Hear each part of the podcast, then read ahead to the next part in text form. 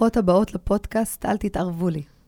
אני שרון שלומי, מנהלת אמנותית של אנסמבל קוקייה, תיאטרון תנועה אקטיביסטי נשי. בפודקאסט אני אשוחח עם נשים על הרגע הכי משמעותי בחיים שלהן, וגם על רגעים אחרים. בתוכנית השנייה של הפודקאסט, אל תתערבו לי, תהיה איתנו היום דוקטור אלנבולסי ררדה, מרצה וחוקרת במרכז האקדמי רופין, פעילה חברתית פמיניסטית. היי. שלום, שרון. כיף שהגעת, ררדה. כיף שאנחנו עושות את זה. התרגשתי לקראת הפגישה הזאת. באמת מרגשת. את ררדה אני מכירה כבר uh, המון המון שנים uh, מהאנסמבל, אנסמבל קוקייה, עוד לפני ש... Uh, הוא, הוא ממש אפילו דקה לפני שהוא התחיל uh, לעלות לבמה. Uh, רגע לפני שיצאנו, עשינו איזשהו uh, מופע, וררדה עבדה איתנו את כל התהליך של הבנייה, וה... ואז היית בהיריון. את זוכרת? כן. ועלית איתנו לבמה לבדוק חומרים מול קולגות, וזהו, ואז המשכת הלאה. אבל אנחנו גם מכירות בעצם עוד לפני, מהפרויקט של עמותת אחותי. כן, מהתיאטרון קהילתי, שהייתי מנחה את הקבוצה. כן. ההצגה נהדרת. מפקוד בערבית. היית, uh, ליווית אותה, את הקבוצה של השחקניות, ערביות ויהודיות, כעובדת סוציאלית, נכון? אה, גם כעובדת, גם כעובדת סוציאלית וגם כמנחה, להנחות את התהליך המורכב, המאתגר, במובן של יחסי ערביות-יהודיות, וגם בהקשר המגדרי של הסוגיות שדיברנו עליהן, שמעסיקות אותנו כנשים. כן, נהדרת הייתה אה, הצגה אה, של זמיר אהרון, אה, וזו הייתה הצגה שסיפרה את הסיפור אה, של אישה ערבייה שנעלמה, שמסתתרת. שנרצחת ונזרקת לבור. היא, היא, כשהיא יוצאת מהבור, היא מתחבאת בבור, כל ההצגה, וכשהיא יוצאת, אז יורים בה. ואז בסוף, נראה לי זה היה הרעיון שלך, להציג את כל הרשימה של, ה, של נשים שנרצחו.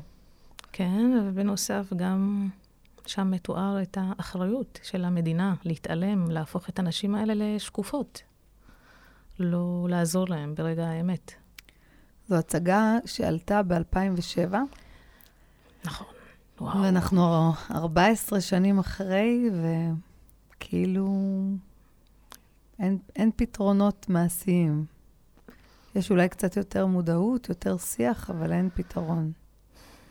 Uh, כל הנושא של רצח ואלימות כלפי נשים, כנשים, היא רק הולכת ומחמירה. ואנחנו, אני גם כמישהי שעבדה בשטח בתחום הזה, וגם כמומחית uh, במחקר שלי בסוגיות האלו, אנחנו רואים את העלייה שהמדינה צריכה להכיר בזה כבעיה לאומית, וגם להקצות לזה תקציבים, uh, גם לראות את זה באחריות uh, של הממשלה והמדינה, ולא רק של ארגוני נשים או סוגיות פנים-חברתיות. אז... המדינה משקיעה משאבים בתחומים מסוימים, תחומים ביטחוניים, שזה בא על חשבון נשים וילדים וחסרי ישע. לגמרי. אה, באיזה רגע הרגשת שאת אה, לא מוכנה שיתערבו לך יותר? האם יש רגע אחד כזה שאת זוכרת אותו? וואו, כן. רק אני אגיד ככה, אה, איפה גדלתי, וזה מתחבר לרגע שאת שואלת אותי לגביו. אני גדלתי ברמלה, בעיר העתיקה, ולא כמו שקוראים לה הגטו, שזו שפה שהגיע הזמן uh, לעשות איתה דין וחשבון. למה קוראים לעיר העתיקה, שמתגוררת בה אוכלוסייה ערבית גטו, שזה... וגם זו עיר עתיקה יפהפייה. מדהימה. Uh, אז גדל, נולדתי וגדלתי בעיר הזו, לשני הורים אקטיביסטים, אה, קומוניסטים, שנלחמו בשביל שוויון וזכויות אדם. ואז גדלתי באווירה מעורבת שמאמינה בזכויות האלו. ואיך זה, בא, זה בא לידי ביטוי, האקטיביסטיות של ההורים? אה, קודם כל, אה, חלק מהתנועה הקומוניסטית, לצאת להפגנות, למען זכויות, נגד מלחמות. אימא שלי ממקימות אה, תנועת הנשים הדמוקרטיות ברמלה, שנלחמה עבור זכויות נשים, היא וכמה קבוצה של נשים מאוד פעילות. נלחמו להשיג מסגרות בתי ספר לאוכלוסייה הערבית ברמלה. לאבד את הכבישים בעיר העתיקה שהוזנחה על ידי העירייה, להשיג משאבים ועוד. אבל אני בעצם גדלתי גם בבית ספר פרטי שנקרא טרסנטה. אז זכיתי בחינוך מאוד אליטיסטי, אפשר להגיד, שלא כל הנערות או צעירות בעיר שלי זכו בו. כי זה בעצם רק משפחות שיכלו כלכלית לממן את זה, כי uh, זה בתי ספר שהם מאוד מאוד uh, יוקרתיים ויקרים.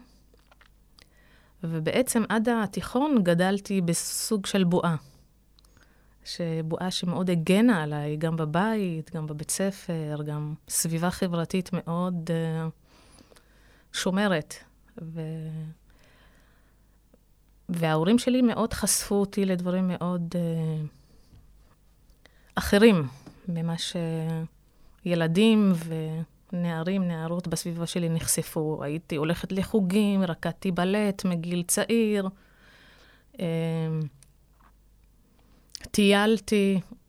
אמ, כמעט כל שבוע הייתי נוסעת עם אבא שלי לתל אביב. תל אביב יש לה חלק גדול בנשמה שלי מאבא שלי. אבא שלי היה אה, נגר, והייתה לו גלריה ונגריה בבניין מרכזים בתל אביב. וואו. אז אה, כן, הוא היה אומן מדהים, מדהים. איך לא אה, ידעתי את כל הדברים האלה עלייך עד היום? השיחה הזאת מובילה אותנו למקום הזה. מזל. כן, היה מנגן על אוד. וואו. היה כותב שירים, והיה עיתונאי של עיתון אל-איתיחד, העיתון של החדש. אה, ובעצם כל שבוע הייתי מסתובבת איתו בתל אביב, היה לוקח אותי באוטובוסים, ומגיל הגן אני אוהבת את החיים התל אביביים, את תל אביב כמשהו אה, שמזכיר לי את אבא שלי, את החיים הנפלאים והפתיחות.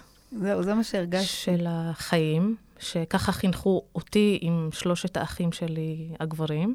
אני בת יחידה הכי צעירה, אה, ובאמת זה הבית שגדלתי בו, עם כל המשמעויות של זה, וגם אימא שלי כמישהי מאוד אה,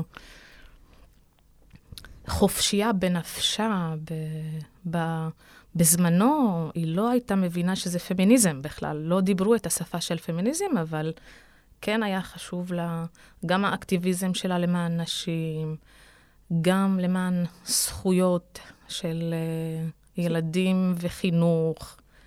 Uh, מאוד היה לך חשוב שיש שוויון ביני לבין האחים שלי, שכולנו שותפים בעשייה ובמשימות uh, של הבית. כ... ובזמנו לא קראתי לזה פמיניזם ומגדר. כשהגעתי ככה לגיל יותר מאוחר, התחלתי להבין ש... שגדלתי גם בבית מאוד פמיניסטי. ואז הרגע שהיה כזה משמעותי זה באמת בתיכון, שנהייתי יותר נערה, צעירה, לראות אישה. אז uh, הבועה הזאת שהייתי בטוחה, התחילה קצת ככה להתפוצץ, כי התחלתי להיחשף גם לעולם היותר גדול. לראות יותר מה קורה באמת מה, בסביבה שלי כאישה, ומה עוד מצפים ממני. ואיך זה קרה? כאילו, יש רגע שאת יכולה להגיד, שאמרת, רגע, מה קורה כאן? שהתחילו להתערב לי. ממש ככה, להתערב לי. מי? כי המשפחה נשמעת בסביבה, כאילו הדיבורים של הסביבה, איך שאני מתלבשת, איך שאימא שלי מתלבשת, אה, אה, איך שההורים שלי מתנהלים באופי החיים שלהם. וגם בגלל הפעילות הפוליטית שלהם, שהיא לא הייתה כל כך מתקבלת משני הצדדים של ערבים ויהודים, כאילו קומוניסטים ופעילים בתחומים האלה, קצת איימו על הסביבה, כאילו, מה, איפה הנאמנות שלכם, למי אתם שייכים. Uh, הזהות שלי הייתה מאוד מגובשת מבחינת הזהות, גם הלאומית שלי וגם הזהות שלי ככה כ, כצעירה שנלחמת ולא מוותרת על הזכויות שלה, מאוד מאוד ככה, היה בהם עימות בגיל הזה, בגיל, ה, uh, בגיל ההתבגרות, לקראת גיל 16-17. אה, שכל מיני שאלות, כל מיני התערבויות, אה, אולי לא תתלבשי קצר, לא חשוף, את נהיית, נראית אישה, ואז הייתי עונה, זה לא עניינכם, זה לא שלכם, למה אתם מתערבים? למה אתם בכלל אה, אה, מעיזים בכלל גם לפנות אליי? זה, זה, זה עניין אישי ופרטי, ואז שם התחלתי להבין שגם הזהות שלי וגם האישיות שלי, החדה מאוד אסרטיבית, היא היוותה סוג של איזשהו קושי וגם איום בסביבה החברתית שאני גדלתי בה, אה, ובעיקר מול גברים. וגם בחיכוך שלי עם החברה היהודית, כי רמלה זה, זה עיר מעורבת. Mm-hmm. אז גם היהודים, וואו, באמת, את ערבייה? נו, באמת, כאילו, מה, יש לי זנב, יש לי משהו שצריך אה, להיות סממן, ש... בגלל ש... המראה שלך? בגלל... גם המראה, גם... הפתיחות? Uh, לא, לא בגלל הפתיחות, גם, בעיקר המראה, גם ששלטתי בשפה העברית uh, מאוד מאוד טוב. Uh, בבית היה לנו ספרייה, ו... uh, ואבא שלי היה תולעת ספרים, ואז היה מקריא לנו ומביא לנו גם, חושף אותנו לספרים בעברית. שקראתי את ליבוביץ' בתיכון. ידעתי מי זה חיים נחמן ביאליק, ולא רק את הספרות הערבית. ואנשים הופתעו שאני יודעת גם דברים על החברה הישראלית-יהודית. ועוד אה, הרבה דברים שהכרתי אותם, אז היה להם מין איזשהו שוק תרבותי. יותר קל גם לשים אותי כערבייה באיזשהו קטלוג מסוים, אה, או בתוך איזושהי תפיסה...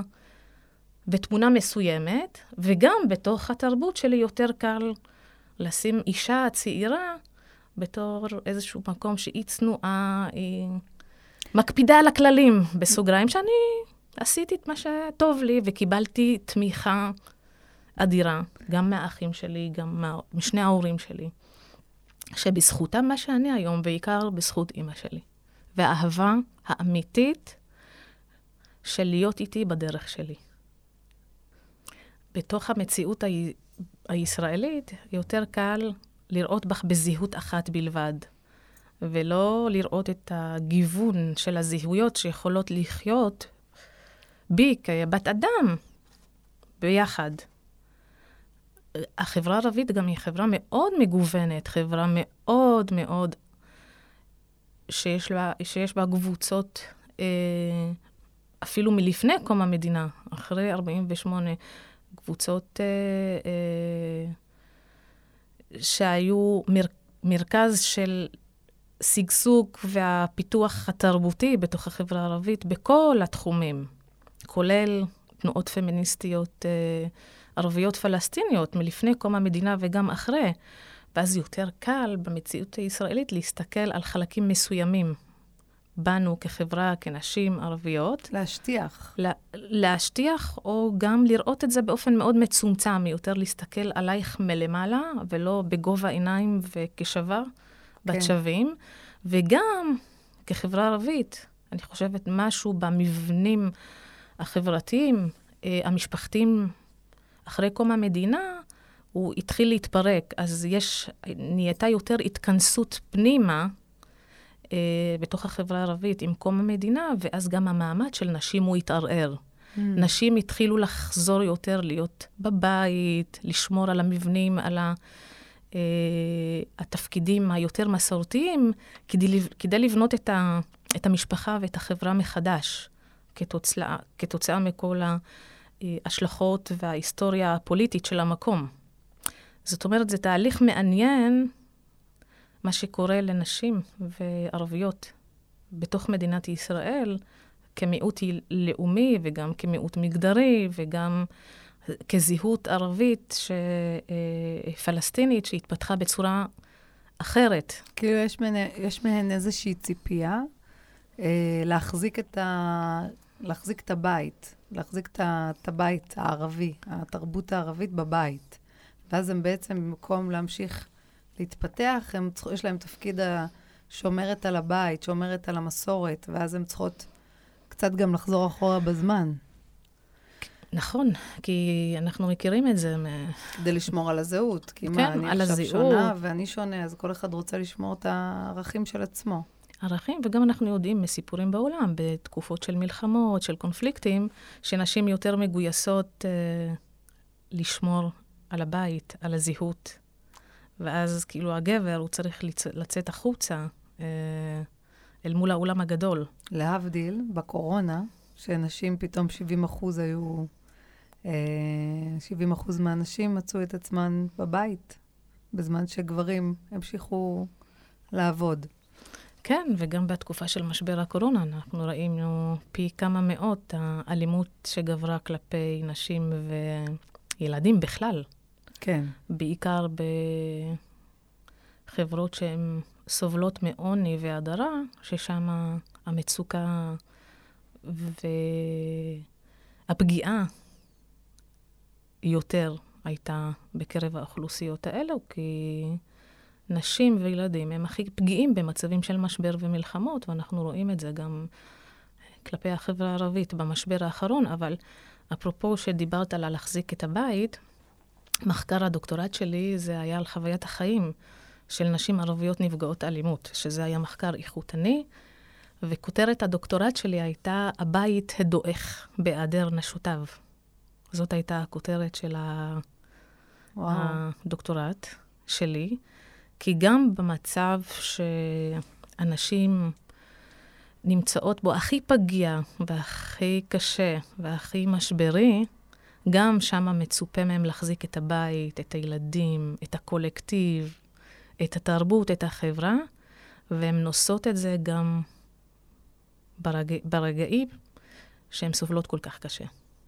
מדהים. אז הזכרת לי את הכותרת, הבית דועך בהיעדר נשותיו. כן, אז אני, תפקיד אה, רציני שמו עלינו. כן. נכון. וכשמכירים את זה כנשים, אז אפשר לדבר על אחוות נשים ביחד, לא משנה מאיזה זהות תרבותית או לאומית או מעמדית, אבל כל עוד אנחנו לא מכירות בזהויות הייחודיות של כל אישה, לא נוכל לקיים אחווה נשית אה, לשינוי במעמדנו המגדרי כנשים. ולכן אנחנו ממשיכות אה, ל- לעשות את מה שאנחנו עושות, ב... את העבודה הקטנה שלנו כדי להצליח להחזיק את הכוונה. גם זה היה חלק ממה שקיבלתי בבית באופן אה, הכי טבעי מדהים. ונורמטיבי. לא קראו לזה פמיניזם, קראו לזה מאבק למען זכויות, למען שוויון, נגד מלחמות ועוד. אה, אני חושבת עניין של אה, לגדל ולחנך, ותהליך סוציאליזציה זה צריך להיות אמיתי, ברגע אמת, ולא בסיסמאות. זה משהו שלמדתי מההורים שלי, ברגע אמת.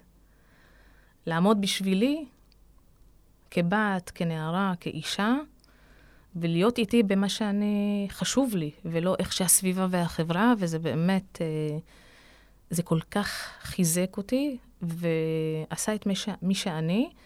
בנוסף, היה משהו מאוד חזק, שחינכו אותי כילדה וגם כנערה, על הזכות שלי לשאול, לא לקבל, לקבל את הדברים כמובנים מאליהם.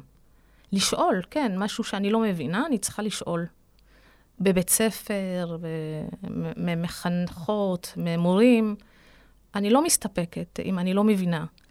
ואז הייתי שואלת, וזה היווה גם איזשהו חסם, כי מה פתאום אני שואלת uh, על כל דבר, ואיך אני מנהלת שיח על דברים שאני לא מסתדרים לי עם מה שאני חושבת. מדהים. כן. את קיבלת ממש... אה, אה, אה, זאת אומרת, הבית שלך, הקרקע שלך היא נדירה. גם אה, לא משנה ליהודייה או ערבייה, זה, זה אותו דבר, זה באופן כללי, בעולם, אני חושבת, בארץ, בעולם, אה, בית כזה זה בית מאוד מאוד מאוד נדיר בקרקע הכל כך יציבה והמאפשרת שהייתה לך. אני, אני חושבת שכן, וגם אני חושבת שזה היה כל כך אותנטי מהצד של ההורים שלי. זה לא שהם תכננו את זה, אלא האמינו, וזה היה אורח חיים שלהם. לא סיסמה. לא סיסמה. אם היו גם. קשיים, זה לא... והיו ברור. גם אתגרים. אני לא מנסה לתאר איזושהי תמונה אוטופית, אבל זה משהו שהיה מאוד אה, מאפשר. מאפשר מחשבתית, מאפשר גם אה, איך לנהל את החיים שלנו. אני והאחים שלי, באמת, בסוף כולנו הצלחנו באיזשהו מקום להיות את מי שאנחנו, בצורה כזאת או אחרת, בלי לחשוש מהתגובות של החברה וגם מהסביבה הישראלית המאוד רחבה, שהיא לא פחות אה, קלה כלפי אה, הערבי האחר. יש לך עוד רגעים בחיים, חוץ מהרגע הזה שאת uh, בתיכון, שאת פתאום מבינה שאוקיי, אני... מה שלי מובן מאליו, שאני חופשייה לשאול, לדבר ולהתנהל בצורה אותנטית, עצמאית בעולם, ופתאום אנשים uh, מנסים ככה לצמצם לי את המרחב. היה לך איזה עוד רגעים אחרים שבהמשך, ש... שחווית את זה בצורה עוצמתית, שהסביבה אמרה, רגע, רגע, רגע, מה, מה קורה? ל... תראי, אני במסלול אה, קריירה מאוד מאתגר ולא פשוט. כח, כ, כמישהי באקדמיה, כאישה באקדמיה הישראלית, זה תהליך מרתק מצד אחד, אבל מצד שני הוא כרוך בהמון אתגרים של השתייכות, של קבלה, אה, של למי מוסללת היכולת להצליח לפעמים או לא. אז גם כשבחרתי במסלול האקדמי המחקרי, אני חברת סגל, זה, וכאישה וכערבייה, זה, זה לא מובן מאליו אה, להצליח ולהיות בתוך המסלול הזה. אה, אז גם, זה, זה תהליך שליווה אותי, ועדיין מלווה אותי בהמון שאלות, המון מחשבות. אה, איך להביא את מי שאני לידי ביטוי בכתיבה שלי, בהוראה שלי, לשים את טביעת האצבע שלי אה, כמרצה וכחוקרת ערבייה מול הסטודנטים, מול הקולגות, מול האחראים והממונים ועוד, אה, שזה, אני נתקלת הרבה פעמים גם, כאילו, בהסתכלות, מה, באמת, את ערבייה? באמת, אפשרו לך, הצלחת. ואז אני לא רוצה להגיד שאני מופתעת, אבל כן אני אומרת לפעמים, וואו, כמה אנשים uh, בסביבה שלנו, במציאות שלנו, לא שמים לב לתפיסות והעמדות והסטריאוטיפים שהם מחזיקים, uh, ואני מפגישה אותם עם החלקים האלו, וגם אני נפגשת עם, ה, עם החלקים האלו. זה לא אנחנו, אנחנו והם. המפגש הזה הוא... שזה עוד פה. זה עדיין נוכח וקיים, ועוד כאישה ו... וכערבייה, ומה שאני מייצגת, זה לא המוכר לרוב הישראלי. זאת אומרת, מי אני ואופי החיים שלי, איך אני נראית ועוד, הוא כל הזמן בהתמודדות בתוך הקונטקסט התרבותי שלי וגם בתוק, בקונטקסט הישראלי היהודי, שכל הזמן אני צריכה להיתקל בתגובות האלו. וואו, ערבייה? סליחה, כאילו, מה, מה זאת אומרת ערבייה? ערבייה אסלית, זה לא... אני חושבת שמה שיפה גם uh, בך, מה שאני אוהבת, זה שאת מביאה לידי ביטוי את, ה, את הזהות שלך, גם כחוקרת, גם כמרצה. זאת אומרת, את לא מפרידה את עצמך מה, מהחומרים שאת מעבירה, או מה, כשאת חוקרת?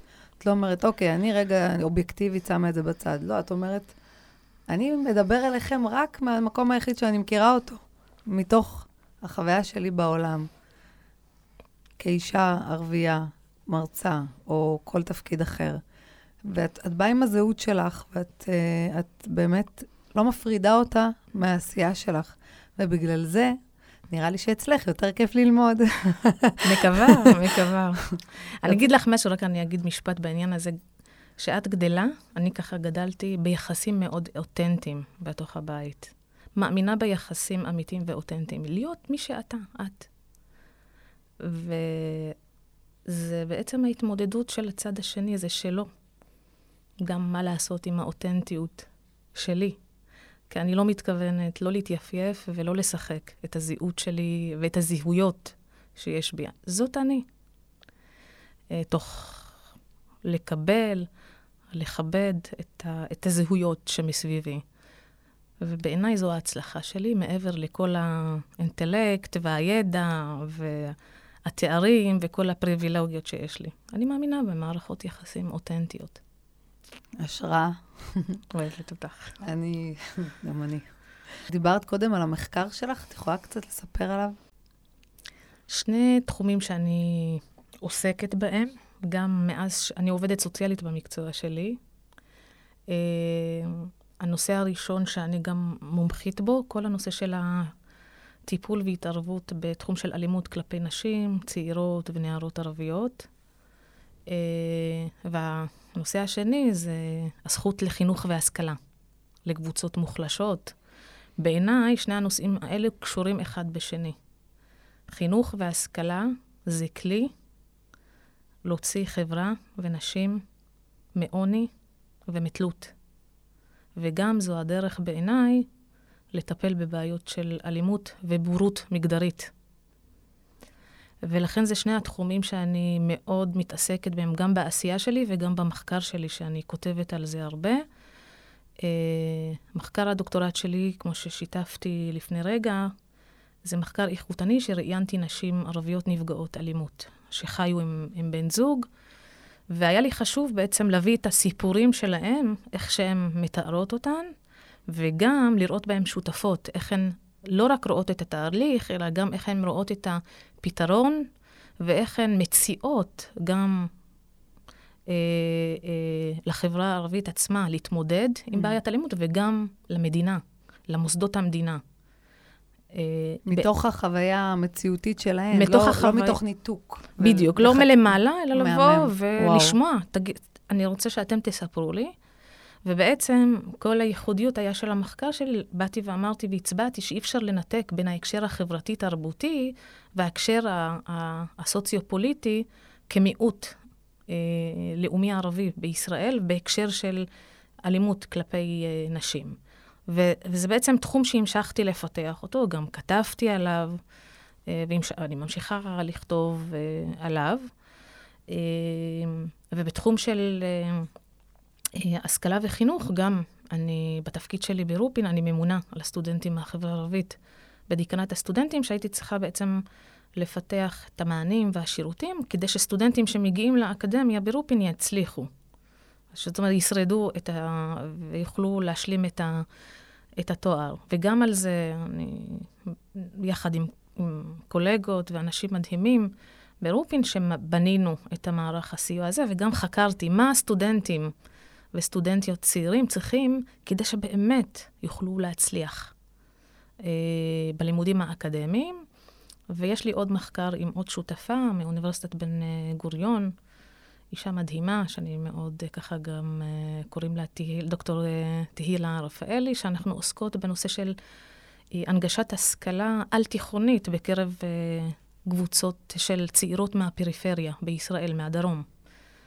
אה, גם ערביות וגם יהודיות, של להבין מה בעצם החסמים שעומדים בפני נשים מקבוצות אה, מוחלשות, לחשוב, לחלום על השכלה על-תיכונית, שזה יכול להיות אקדמית ולא אקדמית, ואז גם מבינים כל ההדרה, כל האפליה, והיותם נשים ששייכות לקבוצה מסוימת כזו או אחרת, שהם חסם להתפתחות, להתקדמות, אפילו לחלום שלהם. בטח. לחלום ללמוד אחרי, ולסיים את התיכון. אפילו לדעת על מה אני רוצה לחלום. בדיוק. זה, אני חושבת שזה הבסיס של... האפשרות לחלום. אפשרות לחלום. אפשרות לחלום. כן. אז זה התחומים שמאוד מעסיקים אותי אה, כ- כאישה וגם כחוקרת, לקדם אותם. שזה גם מחבר אותי למה שאמרתי קודם, שגם את כחוקרת אה, בעצם לא מפרידה את עצמך, אז גם במחקרים שלך, עכשיו שאת מתארת, אז אפשר גם לראות שאת לא מפרידה את, ה, את האנשים, את הנערות, את הנשים האלו, שחוות קושי, ואת בעצם אומרת, אתן משם תיתנו לנו את הפתרון, כי אתן נמצאות בתוך החוויה. את לא מפרידה את האישי מהפוליטי. ואני מאוד אוהבת את זה בך ובדרך שלך, כי ככה אני עוקבת אחרייך ברשתות. אה, היה לך מקרה או מקרים שרצית שיתערבו לך? שרצית? כן. אני יכולה להגיד שבאירועים האחרונים שהיו במדינה, האירועים הביטחוניים, אני חושבת שנמאס לי מהגזענות. בתור מישהי שחיה וגרה כיום ברמלה, על, עם כל האירועים שהתרחשו בערים המעורבות, אותי מזה מאוד הכאיב, מאוד הפחיד, במיוחד כאימא לשני ילדים קטנים, שזה אחד הרגעים בתקופה הזו הרגשתי שאני חסרת אונים וחסרת תקווה. ופה הרגשתי שאני צריכה לשמוע את הקולות השפויים, אמ, והפעולה נגד הגזענות המופנית אה, כלפיי כערבייה. זה היה רגע מאוד, אה, הייתי אומרת, ש... שבר אותי. שאמרתי, זה המקומות שצריך להתערב, לא רק סיסמאות ו... ולדבר על, בשפה של דו-קיום ורב-תרבותיות. בעיניי זה בא לידי ביטוי בפעולה אמיתית ברגע האמת, כמו שאני הרגשתי אותו בסכנה, בסכנת חיים ממשית בתקופה ומי, הזאת. מי רצית שיתערב? זאת אומרת, מי דמיינת? אני, אני למשל, לא יודעת, פתאום נכנסתי לכמה ימים שחשבתי עלייך, סימסתי לך, זוכרת? דאגתי כן. לך. כאילו, ממש אמרתי, וואי, גם זה לא רק דאגתי לך, לא דאגתי לך. אמרתי, איזה חרא. כאילו, לא פייר. מה, מה עושים לחברה שלי? לא פייר.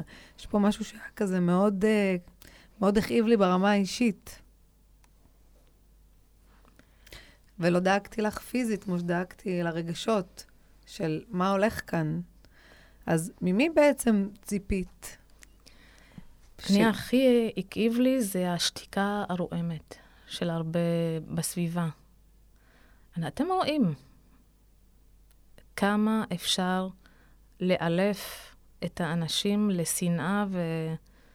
ואי קבלת האחר בגלל זהות כזו או אחרת. ואני חושבת, זו אחריות של כולנו לא לתת לקולות הקיצוניים אה, ברגעים שהיו, ואולי עתידים לקרות. אה, לשבת בשתיקה זה הכי הפחיד אותי. שאני חשתי עוד רגע, דופקים בדלת ופוגעים בי, בגלל מי שאני. והיו מקרים כאלה, ואני לא מדברת בשפה כרגע לעומת. אוקיי? כן. אני מדברת על החוויה שלי, והחוויה שלי לא אמורה לבטל את החוויה וגם את הפחד של הצד השני, ממש לא. בוודאי. אני מבינה, אני מכירה, אבל לרגע אני מדברת על החוויה שלי, שהרגשתי שקופה, שהרגשתי שהמדינה מפקירה אותי כאזרחית, לא רואה בי ולא רוצה לראות בי כאזרחית שווה.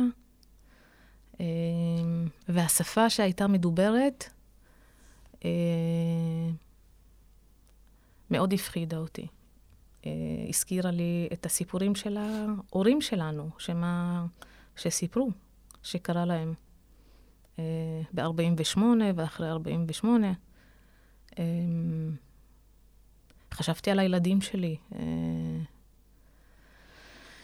שזה היו בעצם הרגעים אה, שאני זוכרת שהבן שלי הגדול, קוראים לו נאורס, ממש בזמן של האירועים, היינו צריכים כל הזמן לרוץ למדע, לממ"ד, והאזעקות וכל המהומות ליד הבית, ואז היינו רואים את החדשות וכל האירועים, ואז שואל אותי, אותי ואת, ה, ואת אבא שלו, מה, באים להוציא אותנו מהבית?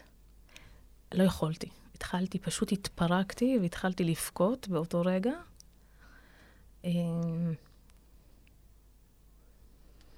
וזה רגע שהתכנסתי בתוך עצמי, חוץ מבכי ודמעות.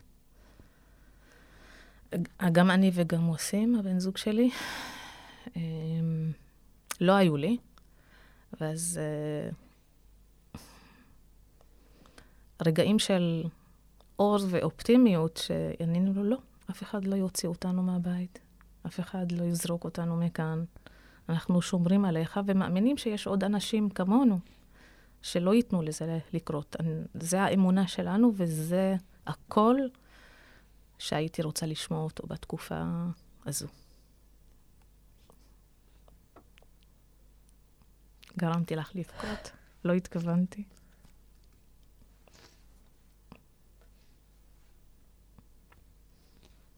לא חשבתי על הרגע הזה.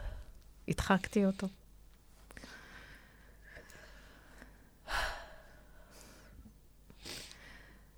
כן. כן, והיו לי גם רגעים שרציתי לארוז. ולעזוב את המקום הזה. לפעמים הוא חונק אותי. אבל זה גם מקום שאני מאוד אוהבת. אני, השורשים שלי, יש אנשים משני הצדדים שהם חלק ממני וחלק ממי שאני. ומאוד מקווה שלו, ש... שהאנשים האלה גם ידעו להשמיע ולהתנהג את הקול השפוי.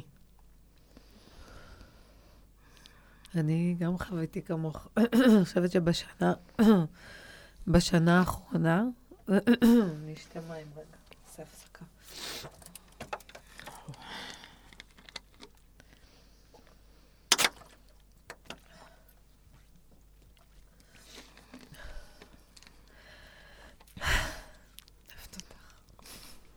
אז אה, אני גם כמוך, לא אז.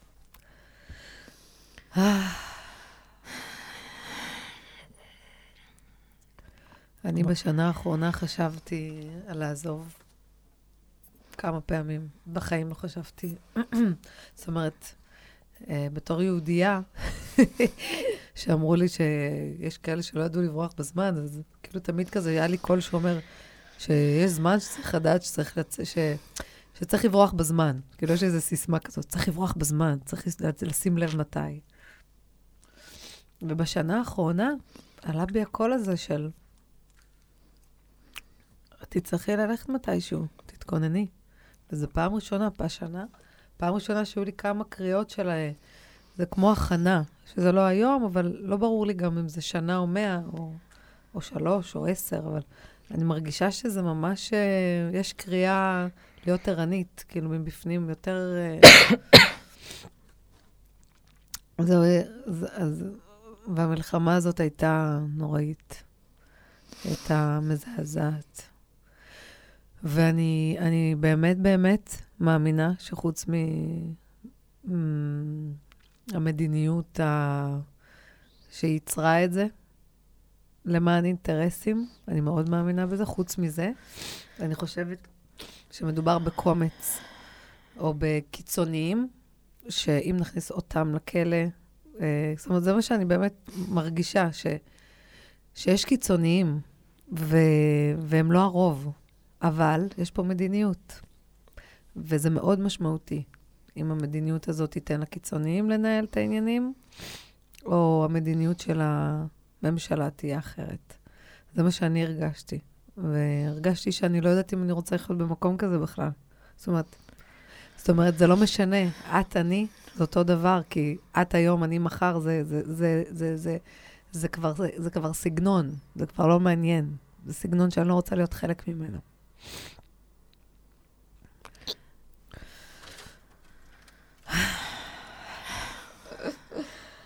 איי, איי, איי. וואו. שכח את הרגע הזה, אה? הוא אמרת שזה... זה חרוט בגוף, אי אפשר... אה, גם אם אני עושה נתק או מנסה ככה להתרחק ממנו, זה, זה מאוד חרוט בגוף, בנפש. ואני מרגישה עצובה ואולי גם חמלה, כן, זאת המילה חמלה, כלפי אנשים שלא יכולים לראות את האנושיות ש... של כולנו. כן. יש משהו בלחימה האחרונה ובאירועים הביטחוניים של תחושה שאנשים התחילו לנשל את האחר, את האנושיות שלו, וזה הכי מפחיד. מאוד. בנו, כבני אדם, להיות אכזריים ולא לשים לב לכך, ואני מדברת, כאילו, ש, שזה נקודה שהיא מבחן אמיתי לכל אחד מאיתנו.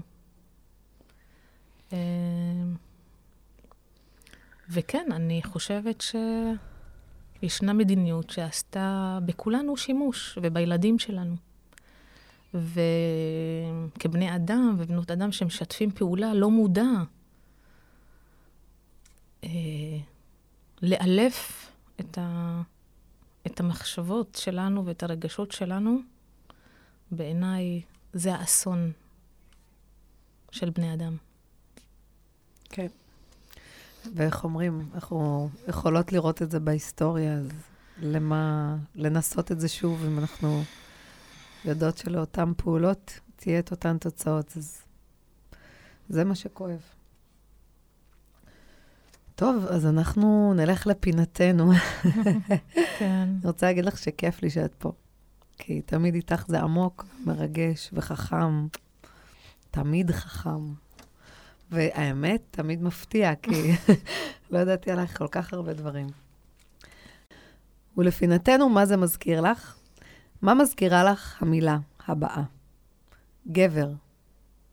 אבהות. גלדיולה. כוח. דיבה. עוצמה. מיטו. לצאת לרחובות. סוקולנטים. לא עולה לי משהו. ספונג'ה. אה, ניצול נשים. צלוליטיס. או, עייפות. וזומים. פוט. שחרור. קפקייק. ימי הולדת של ילדים בגן. קובה. אוכל של אימא. שפתיים. חופש הביטוי. טוב. וכמו בכל פודקאסט, זה הרגע שלך להגיד את ה"אל תתערבו לי" שלך. וואו, זה עכשיו מתחבר לי עם כל השיחה האותנטית שהייתה לנו. טוב, אל תתערבו לי במי שאני, במה שאני ואיך אני. אל תתערבו לי בשפה, בזהות שלי, ועל מי שאני כאישה. אל תתערבו לי ברגשותיי ומחשבותיי ואורח חיי. אם לא מסתדר לכם מי שאני, אתם לא חייבים להיות איתי ובקרבתי. נמאס לי שתאירו על איך שאני נראית, מתלבשת, או איך שאני מדברת, ומה מייצגת. אל תתערבו לי ותאירו לי על השפה שלי, כי לא מצלצלת לכם לא למוח ולא ללב. זה שלכם לגמרי, שייך להתנשאות והחולשה שלכם. את ערבייה? וואו, לא נראית. כן, חביבי, ערבייה אסלית משני הצדדים, אך לא ערביית המחמד של אף אחד. אני ערבייה גאה במי שאני ובזהות שלי ובדרכי. גאה שאני פמיניסטית, מאמינה בזכויות בנות אדם בת חורין וחופשייה. לא תתערבו לי ולא תעירו לי כאישה, ולא תגידו לי שאת אישה בעשרה גברים. אני אישה גאה, שאין לה זנב ולא קרניים. יש לה מילה, מחשבה, יש לה כנפיים, איתם אעוף, לאן ואיך ומתי שבא לי. לא תתערבו לי, נמאסתם לי, בהתנשאות המעורערת, או בנחיתות הרגשית, או תפיסותיכם, וכך אסביר לשני בניי הזכרים, איך להיות חופשיים על אדמה זו ועם עצמם. נמאסתם, תשחררו את עצמכם מהגזענות הנאורה, מהשופיניזם שאינו יכול להיות יותר בר קיימא. תודה. וואו, מקסים, וואו, כמה ניואנסים. כתבתי את זה, אגב, רק בבוקר. קלטתי. וזה לא מול המחשב, זה לא מול המקלדת, זה לא... לקחתי דף ושפכתי את הרגשות, את המחשבות, את האמונות שלי. ברגע זה. ברגע זה, כבת אדם, כאישה שאוהבת את האנושות שמסביבי. ואני אמשיך בדרכי, אני לא אוותר על הערכים. איתם גדלתי, וככה אני גדל את ילדיי. רגדה, כל כך תודה, תודה, תודה שהגעת. אני אוהבת אותך גם כבת אדם, ו... וואו, זה מרגש. יאו, זה היה כל כך ספונטני, לא מתוכנן, הכל. כן, כן. יש משהו כנראה ב... אל תתערבו לי, של להגיד חלאס. כן. שהוא כנראה מאוד חזק לנשים, גם אני חושבת לכולם, גם לגברים. אבל אני חושבת שלנשים, בגלל שהציפיות כל, כל הזמן כל כך אינסופיות ואינטנסיביות, אמ, ו, ואני כן חושבת שיש יש, יש מגמה של שינוי, כאילו אני רוצה להאמין, אני משתדלת uh, גם להתחבר עם נשים שעושות, ולא רק מדברות. ואני מאוד מאוד מאוד... Uh, קודם כל, אני שמחה שיש אותך באקדמיה. זה מאוד מאוד חשוב שיש נשים כמוך באקדמיה שלא רק מדברות, אלא מחברות את הפוליטי עם האישי ו- ו- ויודעות להביא את עצמן uh, לידי ביטוי בתוך האקדמיה, לא רק את הרעיונות שלהן. ו... ואני בכלל, אני, אני חושבת שיש תקווה. לפחות כך, אה, זאת אני, האופטימיות הזאת של... גם את דיברת על זה כל כן. הזמן. שאת תמשיכי בדרכך ואני אמשיך בדרכי, בתקווה שכל אחת uh, תעשה את העבודה שלה וכולנו נעשה שינוי ביחד. חופש המחשבה וחופש הביטוי זה תחילתו של שינוי. אינשאללה. אני מקווה. חיבוק ענק. תודה על הרוח ועל ההזמנה. תודה שבאת. תודה לאיתן בהר על הסאונד והאירוח באולפן המתוק הזה.